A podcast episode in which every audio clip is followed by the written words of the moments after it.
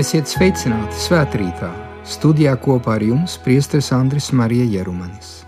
Lasījums no Svētā Mateja evaņģēlija 28. nodaļas, no 16. līdz 20. pantam. Bet viņa 11 mācekļi nogāja uz Galileju, uz to kalnu, kur Jēzus tiem bija pavēlējis. Un, kad tie viņu redzēja, tie nokrita viņa priekšā ceļos, bet citi šaubījās Un Jēzus piegāja pie tiem un uzrunāja tos sacīdams: Man ir dota visa vara debesīs un virs zemes. Tāpēc ejiet un darat par mācekļiem visas tautas, tās kristīdami tēva, dēla un svētā gara vārdā. Tās mācīdami turēt visu, ko es jums esmu pavēlējis. Un redzi, es esmu pie jums ikdienas līdz pasaules galam.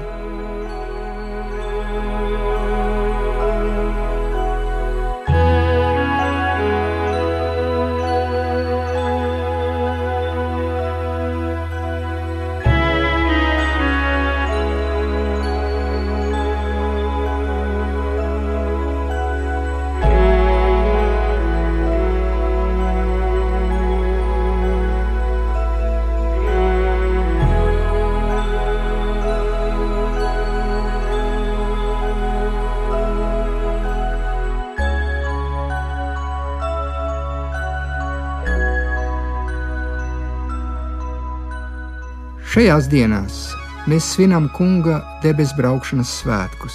Par šo notikumu stāsta fragments no apakstuļu darbiem, kas skan šādi: Kad viņi uzlūkoja viņu, viņš pacēlās augstu, un mākonis viņu attālināja no viņu acīm.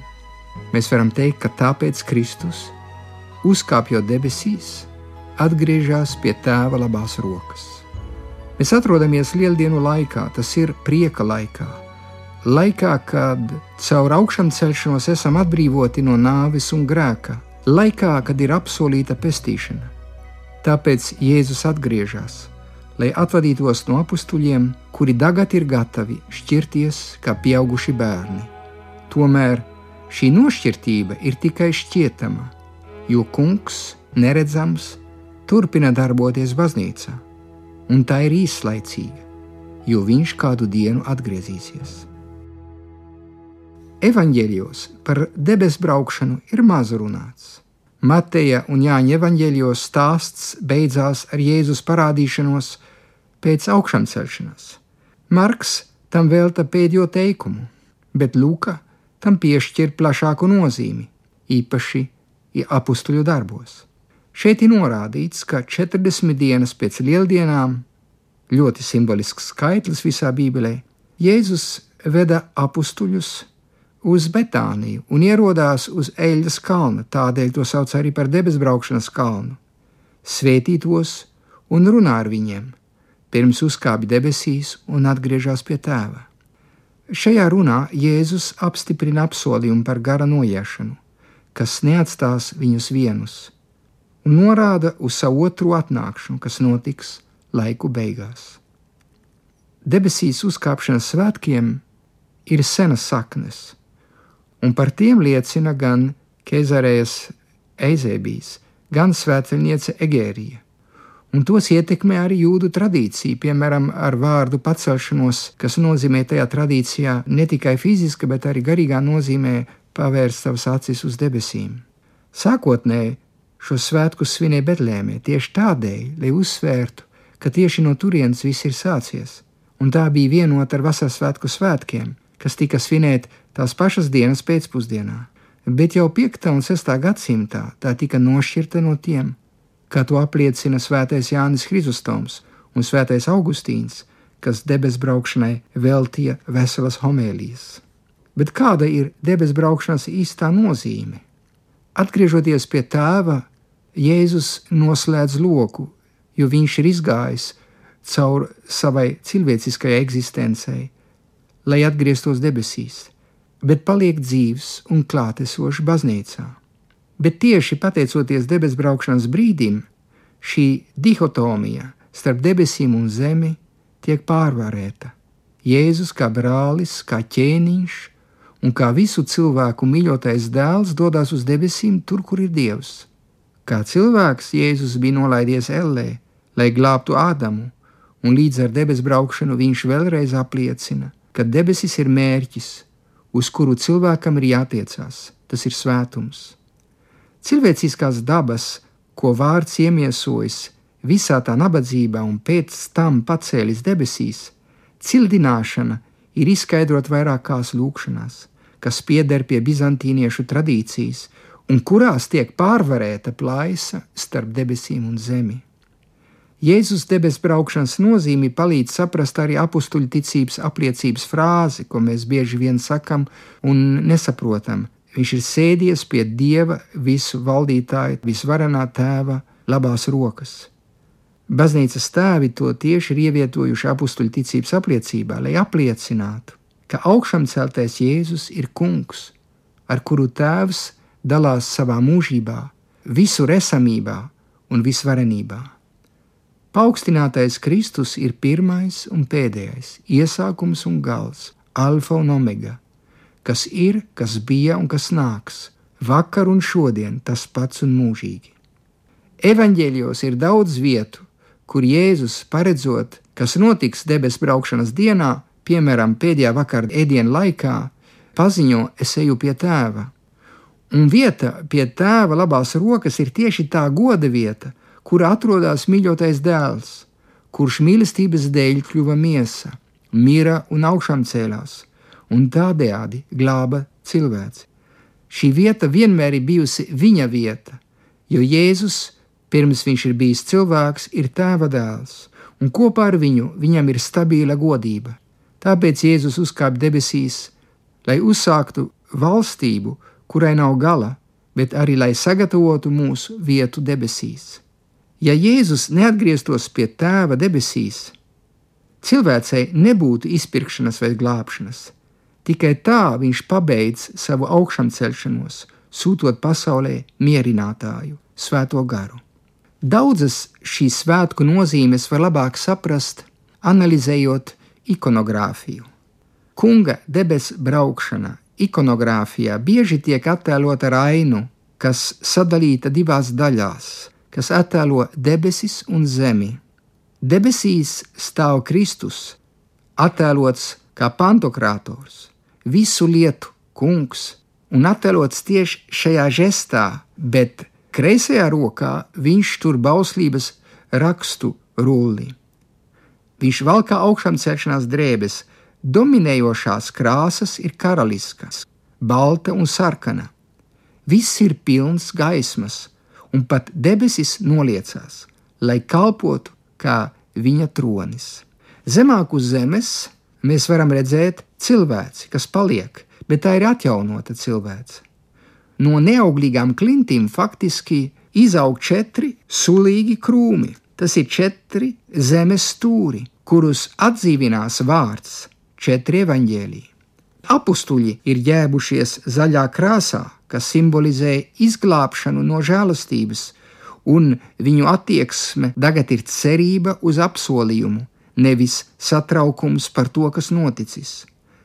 Priekšplānā bieži vien ir redzami Pēteris, un Pāvils, redzam arī Marija, kuru bieži vien pavada divi eņģeļi, un viņi trīs ir vienīgas būtnes ar auru.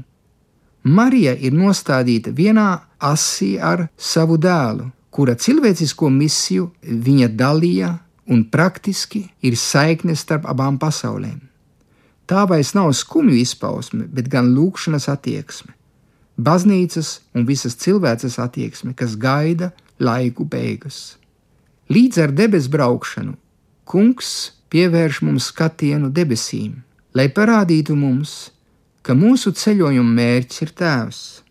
Jēzus uzkāpj pie Tēva labās rokas, pie goda vietas, pie mīļotā dēla vietas, kurš no mīlestības kļuva miesa, mīra augšām cēlās, lai mūsu glābtu. Šī vieta vienmēr ir bijusi viņa, jo Jēzus pirms kļuva par cilvēku ir Dieva dēls bet viņš uzkāpa, tas ir, viņš uzkāpa debesīs, lai turpat gatavotu vietu arī mums. Un šajā savā aiziešanā uz debesīm viņš neatstāja mūs vienus. Uzkāpšana debesīs nav Jēzus aiziešana, bet gan viņa atšķirīgā klātbūtne pasaulē. Uzmundrinoši ir Jēzus pēdējie vārdi Mateja evaņģēlijā. Redzi, es esmu ar jums mūžīgi līdz pasaules galam. Tāpēc nav tādas dienas, kad Dievs nav klāt. Nav tādi laiki vai situācijas, kad Kristus būtu tālu no mums. Tas nav tikai runas izteiciens, kā tad, kad pirms došanās tālākā ceļojumā kādam sakam, tu vienmēr būsi manā sirdī, bet pēc dažām dienām šie vārdi tiek aizmirsti. Nē, Jēzus patiešām ir mūžīgi ar mums, un debesīs kopā ar Tēvu Viņš dara sevi par mūsu lūgumu paudēju katru dienu, katru brīdi. Katrā no mūsu lūgšanām Viņš parāda Tēvam ciešanu zīmes, ko Viņš pārcieta savas ciešanas laikā, un lūdz žēlastību mums. Viņš ir mūsu advokāts, un kad mums jārisina kāda svarīga lieta, mums tā jāuztic Viņam un jāsaka, Jēzu, teic labu vārdu par mani, par mums, par šo cilvēku, iejaucies šajā situācijā. Spēju aizlūgt Jēzus deva arī mums, savai baznīcai, kristītu cilvēku kopienai, kas ir apņēmusies dzīvot saskaņā ar evaņģēliju. Arī mums ir pienākums lūgt par visiem. Vai mēs lūdzamies, vai mēs uzticam Dievam visus cilvēkus un nelaimes situācijas, kas mums ir zināmas? Lūkšana ir spēks, tas ir uzdevums, kas uzticēts mums, Jēzus draugiem. Uzdevums, kas prasa pūles, bet dod mieru. Lūkšana nav, lai skaļāk kliegtu, bet gan lai parādītu, kā ar lēnprātību var panākt daudz ko. Ar Jēzus debesu braukšanu sākās baznīcas laiks. No debesīs uzbraukšanas dienas Kristus darbojās caur mums un darbojās pestīšanā iesaistot mūs. Ir svarīgi apzināties šo brīnišķīgo baznīcas un līdz ar to arī katra no mums aicinājumi. Un ir svarīgi sev jautāt, vai mēs patiesi jūtamies kā Jēzus apstuļi, mācekļi, kurus viņš sūtījis pasaulē ar savu labestību un uzticību.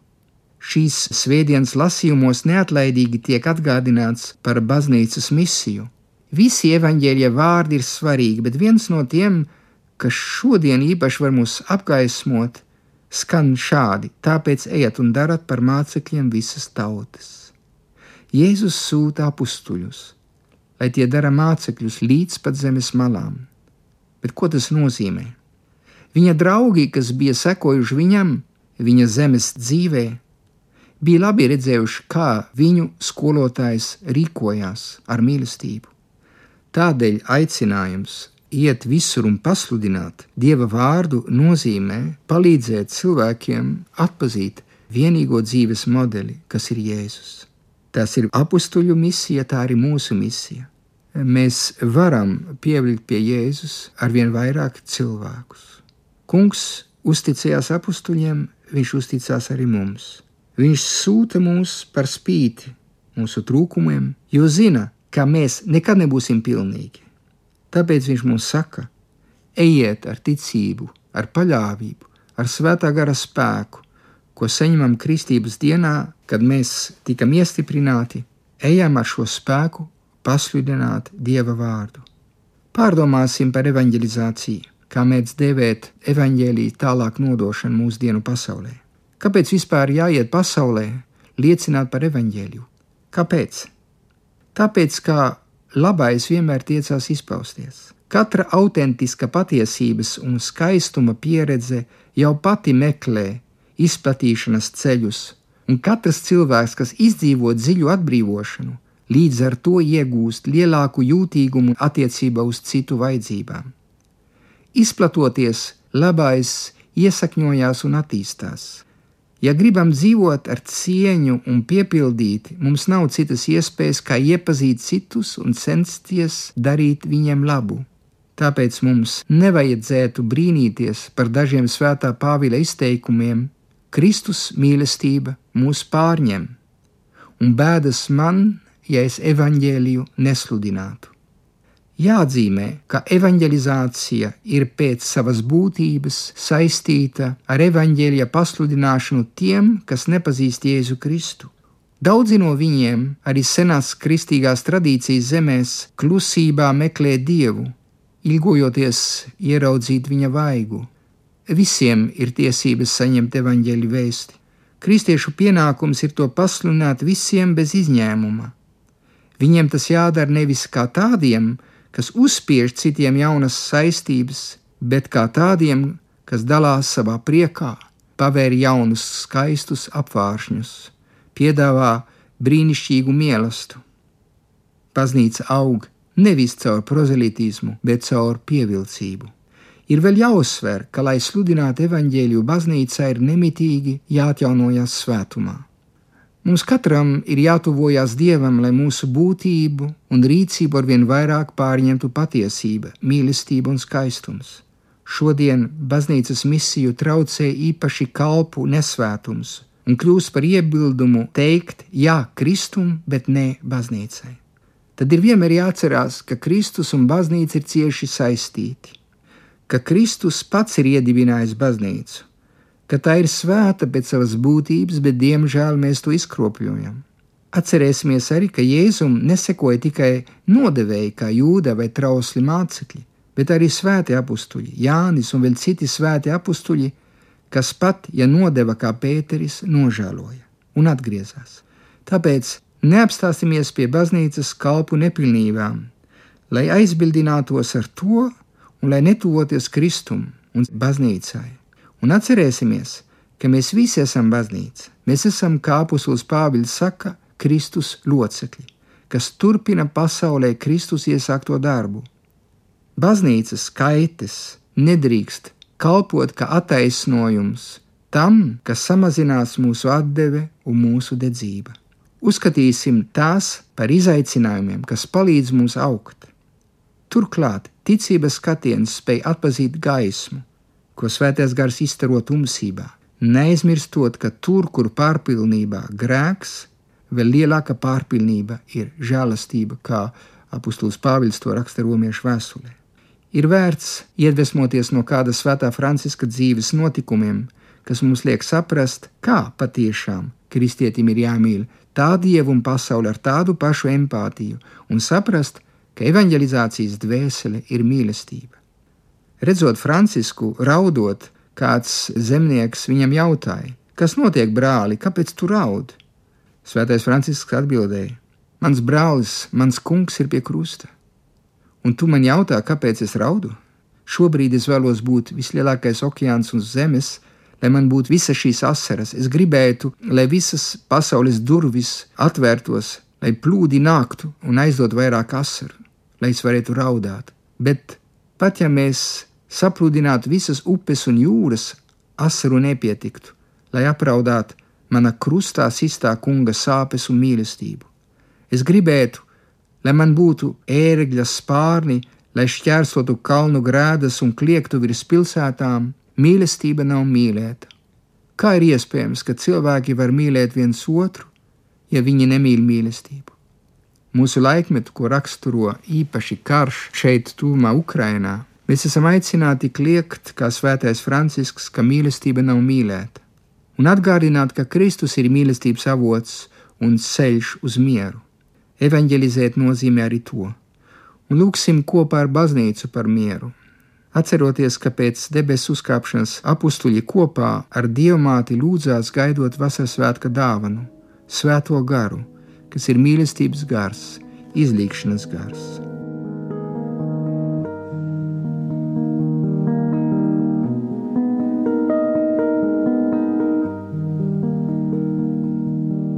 Lūksimies!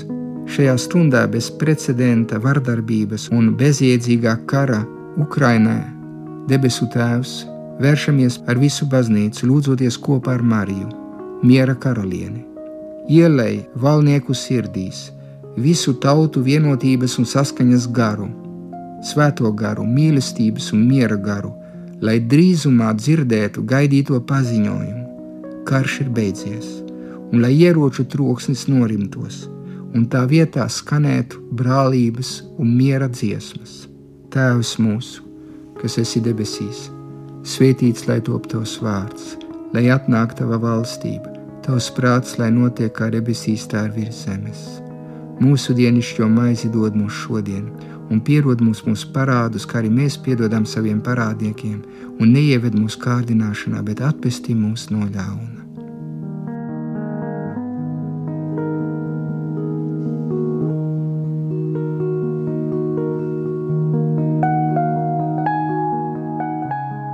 Svētrītā kopā ar jums bija priesteris Andris Marija Jerumanis.